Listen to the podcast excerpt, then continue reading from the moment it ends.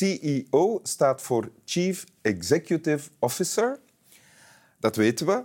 Uh, wat ook bestaat is de CHO.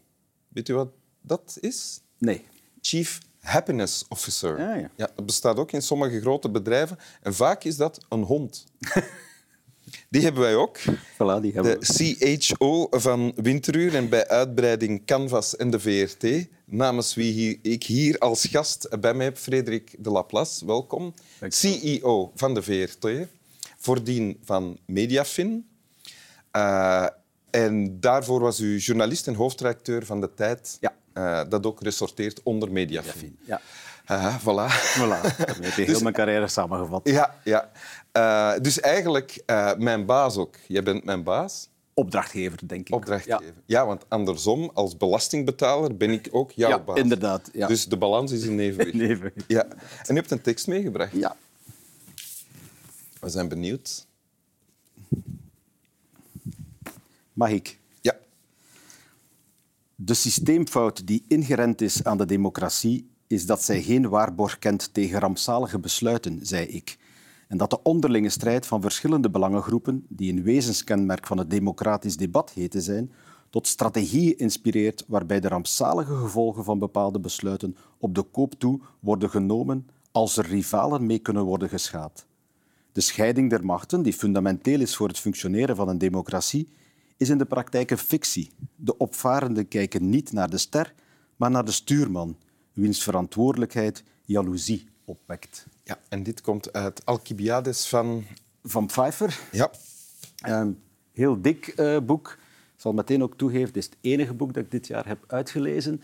Um, maar um, ja, een boek dat heel hard frappeert, omdat het, uh, ja, het gaat over het Athene van de vijfde eeuw voor uh, Christus. Ja. het gaat over de oudste democratie ter wereld. Uh, Eerste experimenten met democratie. Ja, en op het moment dat die democratie heel sterk onder druk uh, komt.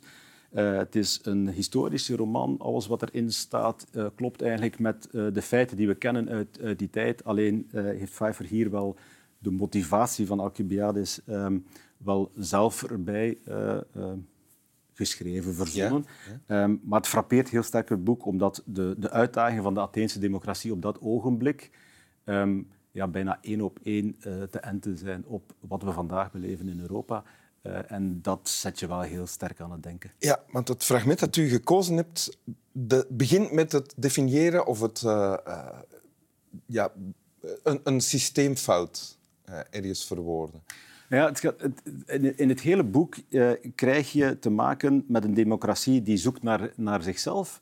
Uh, Alcibiades wordt op een zeker moment ook verbannen uit Athene, gaat, uh, over, loopt over naar de aardsvijand Sparta, een, eh, zeg maar militaire dictatuur. Ja? Komt later, wordt daar ook verbannen, gaat uh, aan het hof van, van Perzië gaan werken, wat dan weer een monarchie is. En je ziet die verschillende systemen door elkaar en een, hun grote voordelen, maar vooral ook hun grote nadelen. En het is pas op het moment dat Alcibiades de Atheense democratie verlaat, moet uh, verlaten, uh, dat naar voren komt hoe belangrijk en hoe sterk uh, de, de, de kracht is van een, van een democratie, van, van een representatieve democratie, waar we als volk een, een, een doel kiezen, hè, de ster in het fragment, en dat dan om het doel te bereiken een schipper aanduiden die ons daar, daar moet leiden. Ja. En hoe het systeem gaandeweg, ook in Athene, verwordt tot een soort van poppol, uh, waarbij het eigenlijk gaat over hoe populair wordt die kapitein, hoe uh, bemind wordt hij door de bemanning uh, van het schip, in plaats van hoe gaan we het doel, de ster,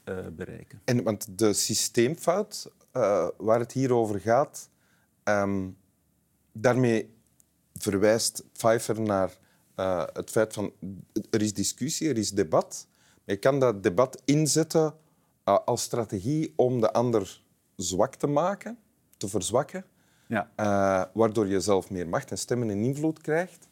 Um, en dat de inhoud van het debat minder belangrijk wordt. Klopt het, als ik het zo zeg? Ja, ja. het gaat precies over um, om uh, binnen die democratie aan de, aan de macht uh, te blijven, uh, zie je overal, bijna overal in de wereld een, een, een langzaam proces waarbij het binnen die democratie en binnen de bestuursorganen van die democratie op de duur veel meer gaat over um, de mensen zelf die die macht uitmaken dan over het project waar ze voor, voor staan. Als je het dan vertaalt naar, naar, uh, naar Europa, uh, gaat het dan uh, onrechtstreeks over de, de, opkomst van populistische stemmen of het gaat over um, de, de kloof die er in vele landen ontstaat tussen de burger en de politiek. Hè, ja. Waar mensen het gevoel hebben, ja, maar die zijn helemaal niet meer bezig met waar wij voor staan, terwijl binnen de politiek het gevoel leeft dat ze net heel sterk proberen bezig te zijn met wat bij het volk uh, leeft. En dan krijg je een soort van, ja, uh, in plaats van een democratie, een beetje een dictatuur van, uh,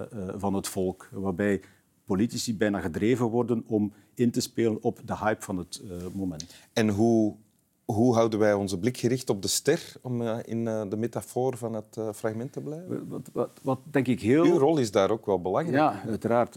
Ik denk dat we als, als publieke omroep, maar ik denk ook voor de breder bekeken de journalistiek in het algemeen, dat heel belangrijk is dat we kunnen blijven aantonen dat de democratie met al zijn tekortkomingen en al zijn fouten wel nog altijd by far het beste systeem is om een land, om een samenleving te gaan organiseren en dat het het waard is om daarvoor te, te, te vechten. We, hebben nogal de neiging om uh, in het debat over de kloof tussen burger en, en, en, politiek het hele systeem overboord te gooien, en de rechtsstaat en de democratie. Um, en toch ontdek je in dit boek, op het moment dat Alcibiades dan uh, richting Perzië of richting uh, Sparta uh, trekt, en ook de Grieken zelf, of de Atheners zelf, op het moment dat ze de democratie op een zeker moment vervangen door een soort van oligarchie, waarbij tien voorname Atheners dan alles beslissen, heel snel, in de maanden daarna, ontdekken ze al... Ja, verdorie, dat is toch ook niet uh, wat het ja, zou moeten ja. zijn. En hoe? Hoe, hoe, hoe vervult of moet de openbare omroep die rol vervullen? Wel, ik denk door uh, een aantal van die waarden waar de democratie op, uh, op gebaseerd is, hè, de, de, de stem van het volk uh, respecteren, maar toch ook um, als, als samenleving die warmte na te streven, zorgen dat we een gemeenschappelijk doel nastreven, om dat niet uit het oog te verliezen. Niet als, als, als um, publieke omroep mee in de mallenmolen treden, die er uiteindelijk toe leidt, dat, dat beschrijft Pfeiffer ook in het boek, dat een democratie op een zeker moment tendensen bestaan om dan maar uh, die democratische waarden op te geven en alle macht in, de, de, in handen te geven van één heerser. En dan kom je heel snel erachter dat, uh, dat je heel veel zaken overboord gooit die ongelooflijk belangrijk zijn in ons leven. Uh, het feit dat we allemaal gelijk zijn voor de wet, dat we vrijheid van meningsuiting hebben. Dat zijn allemaal zaken die we als heel evident zijn gaan beschouwen in ja. onze samenleving, maar die dat eigenlijk niet zijn. Ja, dus dat is één manier. Hè? Eh, nastreven van verbinding of de, de verbindende kracht van ja. wat de VRT van, maakt. Van verbinding in de samenleving. Wij omschrijven het altijd. Onze opdracht is veel ruimer dan alleen maar een uitzendschema vullen. We moeten ja. ook met wat we als media produceren, uh, moeten we ook iets teweeg brengen in de samenleving. Uh, we noemen het zelf informeren, inspireren en verbinden. Ja. Uh, maar het is ook heel belangrijk dat we um, als publieke omroep de onafhankelijkheid hebben en de kracht hebben om een aantal tendensen in de samenleving daar een spiegel voor te houden en zeggen van mensen, we zijn hier wel een aantal van de fundamenten waarop onze samenleving is gebouwd in vraag aan het stellen of misschien zelfs aan het verkwanselen. Uh, en dat denk ik dat wij wel uh, als laatste uh, front dienen om dat te blijven verdedigen. Want heb je die onafhankelijkheid? Ja, ja, als, we die, als we die willen hebben, hebben we die. Um, maar de neiging is zeer groot, overal in de samenleving, om uh, in die tendensen mee te lopen. En uh, neem nu bijvoorbeeld de populistische klanken die ook in ons land de, de, kop opsteken. het is veel makkelijker om daarin mee te gaan in plaats van oplossingen te zoeken. Je kan um, heel sterk concentreren op de problemen in de samenleving. En die zijn er, Wim, die zijn er zeer zeker. maar ik vind dat we als publiek omroep ook een taak hebben om mee te zoeken naar oplossingen. En om mensen die oplossingen aandragen ook evenveel... Um, airplay te geven als mensen die alleen maar op de problemen duiden. Ja. Oké. Okay. Stof om over na te denken, ja, te blijven napraten. Ja. Uh, wat de mensen thuis ongetwijfeld gaan doen na winteruur. Maar eerst gaan we nog eens luisteren naar de tekst. Voorgelezen door Frederik Delaplace, CEO van de VRT.